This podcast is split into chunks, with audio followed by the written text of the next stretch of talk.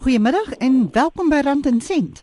Ek is Helen Ukerman en jy luister na jou gunstelingstasie op hierdie Sondagmiddag. RSG. Motorkoop is soos die perdekoop van ouds nie kinderspeletjies nie. Daar is soveel keuses en aanbiedings dat 'n mens se kop soms skoon aan die draai gaan. Wat is die beste en finansiëel gunstigste manier om 'n kar te koop? Dit is waaroor ons vanmiddag gesels met twee kenners in die motorbedryf.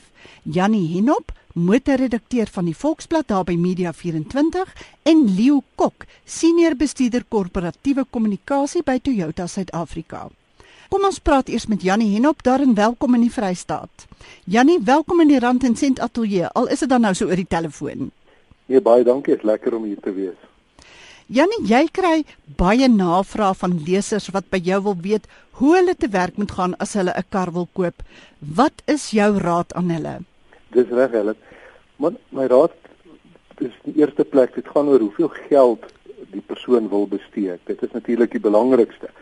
En uh jy weet dit help nie om byvoorbeeld vir 'n ryk weduwee boosaardige groot V8 4x4 sportnutsvoertuig aan te beveel as hy net jy weet ietsie soek om van die ouete huis na die kerk toe te ry en terug nie, jy weet. So dit gaan oor die mense behoeftes of verwagtinge van die nuwe ryding. Anderswoorde, waarvoor gaan jy dit gebruik? Is dit 'n stadskarretjie? Is dit 'n tweede voertuig, 'n gesinsvoertuig of dalk 'n ryding vir 'n kind wat studeer? En baie van die mense wat bel en raad soek, het ek al agtergekom het in elk geval in hulle agterkoppe idee van 'n spesifieke fabrikaat of model of tipe voertuig En uh jy weet as hulle dit dan eers genoem het, dan is dit makliker om vir hulle te sê jy weet wat die voor of nadele is, wat die alternatiewe is van die model of die fabrikaat wat hulle dalk in gedagte gehad het. Maar Jannie, nou het ek nou 'n probleem. Ek het nou die kar wat ek graag wil hê, hierdie droomkar. Ja. Maar hy gebruik baie petrol of hy pas nie regtig in my sak nie. Wat is my opsies? Nou, jy baie ry. Ehm um, dink ek sal jy jou drome dalk so 'n bietjie moet afskaal as dit byvoorbeeld net iets is waarmee jy op 'n Saterdag of 'n Sondagmiddag gaan ry deur die dorp en so aan lekker afslaankap model of so iets, dan maak dit nou nie saak as jy baie petrol gebruik nie want dan word die voertuig relatief min gebruik. Maar ek dink die petrol, die brandstofverbruik in die algemeen, die prys natuurlik, eh, versekerings en onderhoudskoste is, is dinge wat 'n ou nie meer kan ignoreer nie. Jy weet 'n mens moet by kar koop, moet jy dit in aanmerking neem. Buiten dit moet hy ook maar kyk na weet wat se fabrikate het 'n goeie naam, watter het 'n slegte naam. En jy moet kyk na handelaarsnetwerk. Ek dink dit is belangrik dat 'n ou jy 'n handelaarsnetwerk het wat jy weet as daar foute is, jy die voertuig kan invat. En ons moet kyk na dinge soos 'n waarborg en 'n voorsieningsplan of 'n diensplan soos baie mense dit noem, want dit help om jou koste vas te maak. As die diensplan by baie voertuie is dit ingesluit uh by die prys en dan is daar geen verrassings wat later op jou wag as die kar vir 'n 20 of 'n 60 of 100 000 km diens moet gaan nie. Ja, en dit kan nogal 'n verrassing wees daardie onkoste. Ek kan ja. Ek het nou die dag van iemand gehoor wat ook lekker gaan kar koop het en hulle was heeltemal gelukkig met die paaiement, maar hulle het nooit werklik rekening gehou met wat die versekerings hulle gaan kos nie. En nou is dit tandeknars. Dis reg. Ek dink 'n ou moet eenvoudig want dit is 'n groot kapitale uitleg wat 'n mens doen. En ek dink mense sit aan jouself en jou gesin en wie ook al van jou afhanklik is verantwoordelik om jou huiswerk bietjie te doen. As jy dan nou 'n spesifieke voertuig of fabrikaat of 'n soort voertuig in gedagte het, bel jou makelaar, bel 'n paar versekeringsmaatskappye of Google dit en kyk wat kos die versekerings. Vind ook uit of daar diensplanne is wat ingesluit is by die prys van die voertuig. Indien nie, wat kos die dienste? Dis dinge wat jy op die lang termyn 'n paar rand in die sak kan jaag en dan ek dink die gemiddelde koper van 'n voertuig vandag soek nie daai verrassings nie. Janie, kom ons praat bietjie oor gebruikte of tweedehandse motors. Jy ja. het twee kinders, né, nee, het jy vir my gesê? Drie kinders, ja. Drie kinders. Ja. Nou ja, as jy vir een van daardie kinders 'n tweedehandse motor wil koop, waarna kyk jy? Ek het my hele lewe lank nog net gebruikte voertuie gekoop en ek was in 'n bevoordeelde posisie dat ek die voertuie wat ek vir myself en dan nou vir my oudste twee kinders kon koop, het ek gekoop van vriende en familie. Met ander woorde, dis mense wat ek ken Ek weet hoe hulle gery, hoe hulle die voertuig hanteer. Ek ken die voertuig se geskiedenis. Ek weet of, of hulle gedurig dalk probleme gehad het met die voertuig of al een of ander onderliggende kwaal aan die aan die karre was. Maar almal is nie so bevoorreg om 'n lekker ryding van 'n vriend of familie of 'n goeie kennis te koop nie. As jy byvoorbeeld by 'n tweedehandse handelaar instap, dis ook nie te sê dat die handelaar jou wil verneek as jy nou iets koop en daar's fout met die voertuig nie, want baie keer is die handelaar self nie bewus van die probleme 'n voertuig nie, die voertuig word ingeruil of hy koop hom op 'n veiling of waar ook al.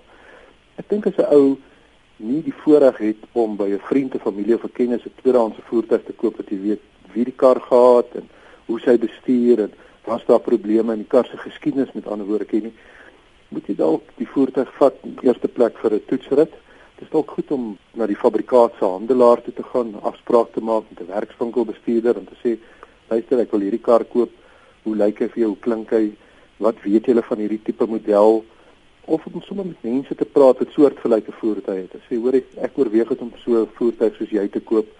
Dink jy dis 'n goeie koopie of nie? Of vat 'n vriend of 'n kennis saam, iemand wat miskien 'n bietjie meganiese of tegniese kennis het, wat ten minste vir jou na 'n paar basiese goed kan kyk wat al klare aanduiding sal wees of daar dalk 'n onderliggende kwaal of nie is. Of jy kan hom vat na 'n toetsentrum of die AA of of een van hierdie instansies toe. Ek voel net dat dis 'n groot uitleg wat 'n mens maak. En afgesien van die geld wat jy daarin steek, dis 'n ding wat jy elke dag gaan gebruik om by die werk of waar ook al heen te ry. En as dit dan vir jou probleme gee, gaan dit in 'n nagmerrie ontaard, 'n groot kopseer. So ou moet maar 'n bietjie navorsing doen oor die voertuig. Jy moet so ver as moontlik vasstel wat die geskiedenis van die voertuig is, wie die eienaar was, hoe hy hanteer is. Moenie net 'n ding op sig waarde koop nie, want om blindelings te koop net omdat dit daar staan en lyk mooi en jy's gretig en angstig oor 'n nuwe voertuig en hy ry dalk lekker as jy op die blok ry. Dit kan op die langtermyn duur te staan kom. As jy karre by familie of vriende koop en daardie voertuig het al die jare nou lekker gery, maar as jy hom koop, dan begin hy nou breek. Dit kan nogal bietjie tot kwaai vriendskappe lei, dink jy nie? Dit dit kan, maar aan die ander kant, jy weet, ou koop ook in 'n mate gemoedsrus, want as jy nou die vriend of die familielid of die kennis uh, mee vertroud was jy weet hoe hulle die kar hanteer het en of daar probleme was met die kar, dan dink ek kan jy met redelike gemoedsrus kan jy die voertuig koop. Maar daar's altyd die kans as jy gebruikte voertuig koop. Kyk, sê altyd vir mense as jy 'n nuwe voertuig koop, wil ek amper sê as die speelveld gelyk. Al die karre het 0 km op, almal is splinternuut, al die onderdele is nuut. Koop jy 'n tweedehandse kar of 'n gebruikte kar, dan is die speelveld nie meer gelyk nie want die een persoon ry 'n kar so en die volgende een ry hom so en die een laat die kar dalk nie betyds diens nie en die ander een laat die kar betyds diens en al hierdie goed het 'n het 'n invloed op die toestand as jy dan nou 'n kar gaan koop wat 100 of 150 000 km op het. Maar daar is baie goeie kopies buite. Ek dink net 'n ou moet dit aan jouself verskuldig omdat dit 'n groot kapitaaluitgawe is om seker te maak dat wat jy koop in 'n redelike toestand is en aan aan jou verwagting voldoen. Nou Jannie, voor ons jou groet, gaan jy gou vir ons vertel wat was die grootste fout wat jy al begaan het met kar koop? Man, kom ek sê vir jou, ek het my hele lewe lank nog net gebruikte voertuie gekoop en ek kan nou eerlik vir sê ek was so ver bevoorreg geweest om nie 'n groot flater te begaan het nie. Maar nou moet ek ook vir jou sê dat al die voertuie wat ek vir my of my vrou of my gesin gekoop het, is altyd gekoop of van familie of van vriende wat ek goed geken het en omdat ek baie betrokke is in die in die motorbedryf as 'n motorjoernalis, is ek ouma baie sensitief oor baie goed. So ek ek maak seker en ek ek fors maar 'n bietjie na en ek was so ver bevoorreg die rygoed wat op die oomblik in my erf staan, hulle loop nog klokslag en uh, ek hoop maar en vertrou dit sal so aanhou. Nou ja, Janie, ons hoop saam met jou so baie dankie vir die saamkuier in die ateljee. Nee, dis 'n plesier, dit is baie lekker gewees, dankie. Jy luister na Rand en Sent op RSG. Ek is Helen en ons praat oor motorkoop en die voor- en nadele van die verskillende maniere waarop 'n mens dit kan doen. Vandag by ons in die ateljee is Leo Kok, senior bestuurder korporatiewe kommunikasie by Toyota Suid-Afrika. Leo, ons het nou net by Jannie gehoor waarna 'n mens alles moet oplet as 'n mens wil kar koop, of dit nou 'n nuwe of 'n gebruikte een is. Ek wil graag met jou gesels oor die verskillende aanbiedings in die mark en die voor- en nadele van elk. Maar kom ek vra eers vir jou, wat is die mees gunstige manier waarop 'n mens vandag 'n motor kan koop? Met ander woorde, hoe betaal jy die minste vir die beste wat jy kan bekostig? Hmm. Môre Helen, dankie vir die geleentheid. Ehm um, ek gaan probeer om nie soos 'n politikus te praat en te sê wel die een of die ander of die een en die ander nie, maar uh, in die geval van motorkoop hang dit maar van die individu af. jy weet sy omstandighede, sy kredietrekord, sy uh, kontantvloei, uh, die motor wat hy koop, die tydperk wat hy het om dit af te betaal of hy 'n voertuig gebruik vir sy werk of nie. So kom ons praat oor die opsies. Toe ek vandag met my kollegas by Toyota Financial Services gesels oor oor die moontlikhede en ek sê vir hulle nou maar sekerlik is kontant koop die beste opsie. Uh, jy betaal geen tariewe nie, dis uit jou bankrekening uit, jy het nie 'n maandelikse fooi nie. Toe hulle vir my gesê ja, sekerlik, dit is dis definitief bate wat waarde verminder oor tyd.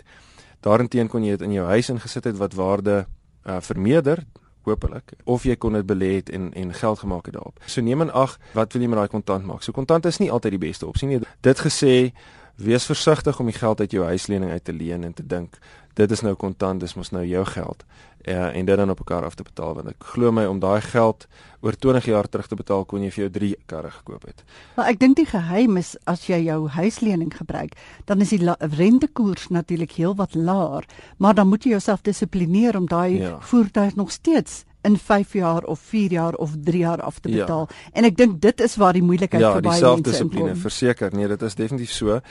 En as jy jou terugbetaling by 'n finansierder reg bestuur, kan jy baie keer daai mense se geld gebruik tot jou voordeel. So as jy 'n lening reg bestuur, kan jy op 'n ander persoon se geld jou bate vinniger afbetaal of jou terugbetaling so bestuur dat dit jou die minste moontlik kos. So, wat is die beste manier om terug te betaal? Daar's Nee, maar wag, verduidelik nou eers gou vir ons. Geef ons 'n voorbeeld van wat jy nou net gesê het. Wel kom ons sê so in, die mark daar buite is daar 'n klomp finansierders. Jy kan laat hulle meeding vir die lening wat hulle vir jou gee.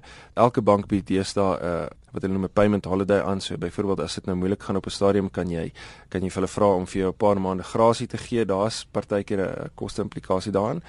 En dan natuurlik kan jy jou kapitaalporsie op die, die wat jou voertuig gekos het, daai kapitaalporsie kan jy vroeër terugbetaal en dit moet jou terugbetaling laer maak volgens die nasionale kredietwet. As jy jou lening reg bestuur, kan jy met iemand anders se lening, met met ander woorde, geld wat een van hierdie vier verhuurders moes gaan leen op die kapitaalemark om vir jou te bied, kan jy tot jou voordeel gebruik.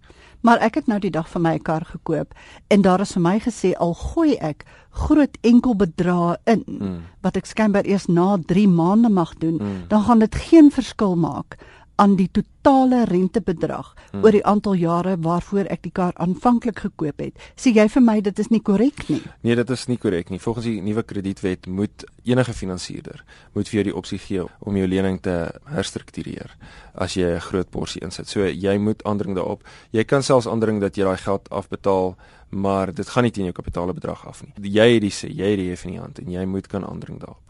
Nou, hoe sê jy betaal mens die minste vir die beste wat jy kan bekostig? Wel, dit hang af wat jou wat jou doelwit is. In my geval byvoorbeeld, ek het 'n voertuig gekoop op 'n afbetalingsverkoop transaksie, maar met 'n residue, 'n residual, 'n balloon payment soos die Engelse sê, so 'n ballonbedrag aan die einde. En dit is vir my die die beste manier om my kontantvloei te verhoog. En wat wat in die geval gebeur as jy sê jy wil 'n kapitaalbedrag uithou of hierdie ballonbedrag aan die einde van die tydperk? Wat gebeur basies is hulle sê kom ons sê jy, jy koop 'n voertuig van 100 000 rand. Hulle sê kom ons finansier net 70% af, net 70 000 rand. Ons haal 30 000 rand uit. Wat beteken jou terugbetaling is heelwat minder want jy betaal eintlik net 70 000 rand af. Aan die einde van die tydperk sê hulle jy skuld ons dan nou die 30 30% wat oor is, die R30000.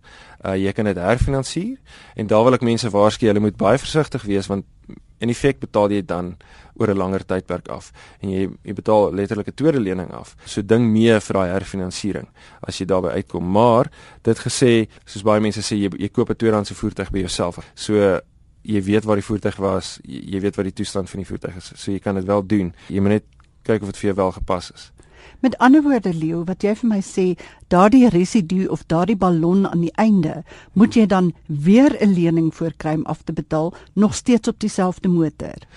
Ja, jy moet dit of aflos met geld wat jy self het, of jy moet dit herfinansier of jy moet die voertuig teruggee. Basies, die voertuig bly die bank se bate tot jy die volle bedrag afbetaal het. En as so, jy nou die voertuig teruggegee het, dan kan jy weer 'n nuwe voertuig koop of dan kan jy weer een gaan koop. Yes. Dan kan jy weer vir ja. finansiering aansoek doen en 'n nuwe een ja. gaan koop. Ja. Maar wat ek nou altyd oorwonder, ek is een wat daarvan hou om my kar af te betaal en dan ja. ry ek om 10 jaar lank tot ja. hy uit mekaar uitval. Ja. Want dan is daardie finansiële las uit my lewe uit. Ja. ja. Wat is die voordeel daarvan om hierdie ballonmetode te gebruik? Wel in in my geval ek verkies om 'n kar 30000 km te ry want ons maatskappy mag gee vir jou 'n uh, bietjie van 'n personeelafslag op jou voertuig met jy hom na 30000 km verkoop en 'n nuwe voertuig koop. So in my geval gaan ek nooit 8 jaar met 'n voertuig ry nie. So ek sal eerder my afbetaling so klein as moontlik maak en dit vir my so lewensvatbaar maak so wat ek kan.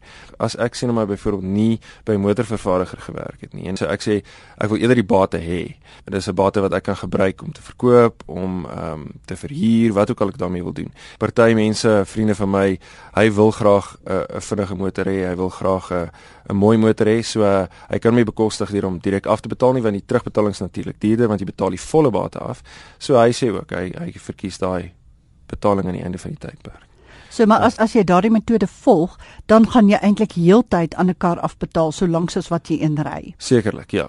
Werk dit ja, dan nie ja. duurder uit nie? Wel dit hang af in my geval werk dit nie vir my duurder uit nie want ek het elke keer 'n nuwe bate en ek kom nooit by die punt uit waar ek die ballonbetaling moet aflos nie. Maar neem in ag ja, jy gaan aanhou afbetaal aan daai voertuig.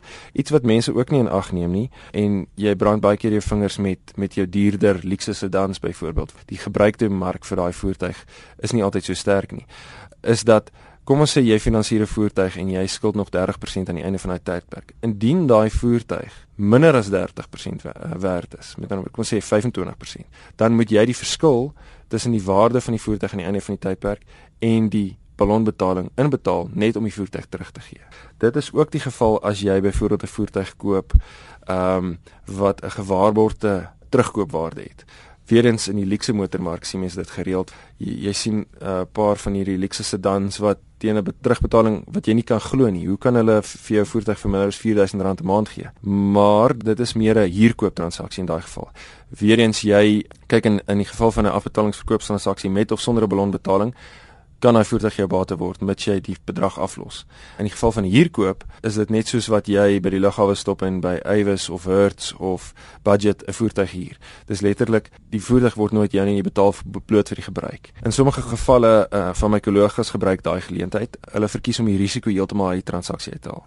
So as hulle 'n venster verloor, 'n band verloor, ehm um, karstamp, daai kostes word gedek en die slim koppe agter die transaksie het uitgewerk wat daai risiko vir hulle is maar jy betaal letterlik nie vir, vir die gebruik. Om terug te kom by die luxe voertuig koop, baie keer is daai R4000 'n maand transaksies is so 'n transaksie waar hulle sê jy huur die voertuig basies by ons, ons waarborg die waarde aan die einde van daai transaksie, maar wees versigtig vir beperkte kilometer. Hulle sê baie keer vir jou jy mag nie meer as sê 20000 km per jaar af lê nie of 120000 km oor 5 jaar of wat ook al dit mag wees nie.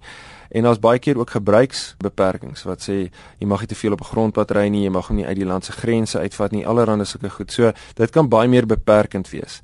Ja, die risiko is heeltemal die bank se. Jy betaal letterlik net vir die gebruik en jou terugbetaling sluit al die moontlike risiko's in maar wees versigtig vir die beperkings. Uh, in sommige gevalle kan dit jou rand 2 rand 'n kilometer kos as jy oor daai beperkte kilometer gaan. Maar nou klink dit vir my dat dat hierdie maniere van karkoop wat jy nou uh, beskryf eintlik meer is vir mense wat motors deur die werk kry wat werkmotors het. Ja. Is ek reg? Ja, dit dit werk baie keer. Ehm um, die belastingimplikasies op uh op maatskappymotors is is nou baie meer beperkend as wat dit was in die verlede. So dis nie heeltemal meer so lonend nie. Daai terugbetaling raak al hoe duurder. Maar as jy byvoorbeeld kommissie verdien met jou voertuig en so voort, kan jy daai renteporsie terugeis op op jou terugbetalings en jy kan dan jou terugbetaling so struktureer dat daai renteporsie miskien 'n bietjie duurder is want jy weet jy kan dit af afskryf teen belasting wat jy gebruik jou voertuig as 'n as iets waarmee jy geld verdien. Nou Leo, ek sien nou daar ry deesdae kleinerige karretjies hier in Johannesburg rond en dan op die kar word daar geadverteer dit is 'n paaiement van 699 per maand sonder 'n deposito of sonder 'n ballonpaaiement aan die einde. En ek het nou gewonder hoe werk dit? Betaal mens nou tot aan die einde van jou lewe aan daardie karretjie af? Man daar's daar's verskeie operateurs daar buite wat wat hierdie model nou gebruik het lyk my dis nou baie uh, in die mode. Jy sal dit nie kry by een van die groot banke nie. Daai een van die groot finansierders bied dit nie as 'n opsie nie. As ek so praat met van die banke daar buite en, en ons doen dit later, vind ek hulle hulle is bietjie versigtig vir hierdie opsie. Baie van hierdie ouens tree op as 'n agent So hulle hulle sal die finansiering namens jou hanteer. Hulle gee vir jou 'n sekere bedrag terug in in ruil daarvoor dat jy hulle dienste adverteer dat hulle nog besigheid kry of ander dienste. Sê net maar wat ook al hulle op jou voertuig wil sit as advertensie en jy moet 'n sekere aantal kilometer ry met daai advertensie op jou voertuig elke maand om die voordeel te kry van die bietjie geld wat hulle jou teruggee en dit skryf jy dan teen jou um, afbetaling af wat jou afbetaling dan goedkoper maak. Gaan nie sommer gebeur dat jy R700 'n maand betaal nie. Ehm um, dit is die minimum natuurlik wat enige persoon adverteer. En uh wees net versigtig. Lees maar baie mooi deur die fynskrif partykeer verhuur hulle dit aan iemand wat dit aan aan jou verhuur sodat daar nie enige implikasies is nie want die wet sê sê duidelik jy moet of huur of afbetaal. Jy kan nie 'n uh, hybrid van die twee doen nie. En dan probeer hulle om dit kom deur dit aan een te verhuur wat dit dan aan die ander een afbetaal. So gaan maar met oop oë in dit in. So ehm um, sulke advertensies is baie keer soos wat hulle altyd sê as iets te goed lyk om waar ja, te wees dan is dit daar. Ja. Ja, nee, kyk, niemand is in enige besigheid om jou 'n guns te doen nie. Hy's daar om, om kos op die tafel vir hom te sit. So gaan maar met oop oë in so 'n transaksie. Nou Leo, wat is jou topwenke vir motorkoop? Maar daar's 'n paar goed as mens nou praat oor herverkoop uh, of verkoopstransaksies waarvoor mens moet uitkyk. Vir een is dit moenie laat hulle jou gat in die kop praat nie. Jy kan gaan rond shop. Die ander ding is kyk 'n bietjie na die opsie van om jou rentekoers vas te maak. Op hierdie oomblik is ons op die ek sou sê met my basiese kennis op die laagtepunt van 'n rentekoers siklus. So dit mag miskien nou 'n bietjie duurder wees om jou rentekoers vas te maak. Maar jy gaan daai voertuig afbetaal oor 'n tydperk, jy weet. So ehm um, en die kanse is goed dat die rentekoerse ja, nou weer ja, gaan begin styg ja, so en dat jy op die ou nou beter goeie, gaan aflees. Ja, so dis dalk nou 50 100 rand duurder elke maand, maar oor 2 ma oor 2 jaar gaan jy glimlag. Die die punt is nie dit 'n uh, 'n voertuig is nie 'n yskas nie. Ek het nog nooit opgewonde geraak om as ek in die huis instap en ek kyk na my yskas nie, maar as ek uitstap en ek sien my blink 4 by 4 daar staan dan is ek baie trots op hom. So jy weet daar mens koop met jou hart en en ons gaan nou nie mense oortuig om dit nie te doen nie. Maar wanneer jy dit doen, gaan net oop hoe in die transaksie. As jy net 2 weke langer wag en net bietjie jou huiswerk gedoen het en met meer as een persoon gesels het, gaan dit jou oor die langtermyn baat. Jy weet ek het vandag nou weer het iemand verjaar in die kantoor en ek het twee polfantjies geëet en uh, ek voel dit nie nou in my broek nie maar oor 2 weke gaan ek nou weer nie in om my kan inpas nie. So uh, ons is uh, ge, baie keer gefokus op onmiddellike gratifikasie. Jy sien jou buurman het nou net met 'n nuwe bakkie daar gestop. Jy dink, "Eeg, dis nou tyd." Of jy het nou net 'n bonus gekry, jy dink, "Nou moet jy jouself beloon." Haal net 'n bietjie asem, gaan slaap oor, dink mooi oor die transaksie. En dit geld baie keer ook ehm um, vat hierdie met 'n knippie sout want ek verteenwoordig 'n vervaardiger, maar jy weet ons ons sien partykeer nuwe handelsmerke wat die land inkom. Hy hy bied 10 keer meer wat ander doen. Hy's mooi blink, hy't renstrepe op, hy't lekker dik bande. En die ouens gaan na voor en dan jy weet oor oor 2 jaar is hulle nie meer in die land nie. Die die ouens wat 'n be, gevestigde belang in die land het, jy weet wat uh, baie keer al oor 30, 40, 60 jaar hier belê het wat duisende mense het wat vir hulle werk, is baie meer gefokus daarop om dinge te maak werk in Suid-Afrika. So wees maar versigtig vir die nuwe nuwelinge. Dit is soos ek sê vir met met 'n knippie sout. Leo baie dankie. Dankie Helen. Onthou julle kan my volg op Twitter by Helen Ukerman of op Facebook by Rand en Sent Helen Ukerman en ek het die afgelope paar weke 'n heel wat volgelinge bygekry en ek sê vir julle baie dankie daarvoor. Onthou ook, hierdie program kan in MP3 formaat afgelaai word van RSG se webwerf rsg.co.za. Dit is Helen Ukerman wat groet. Hoop julle het 'n heerlike Sondag verder.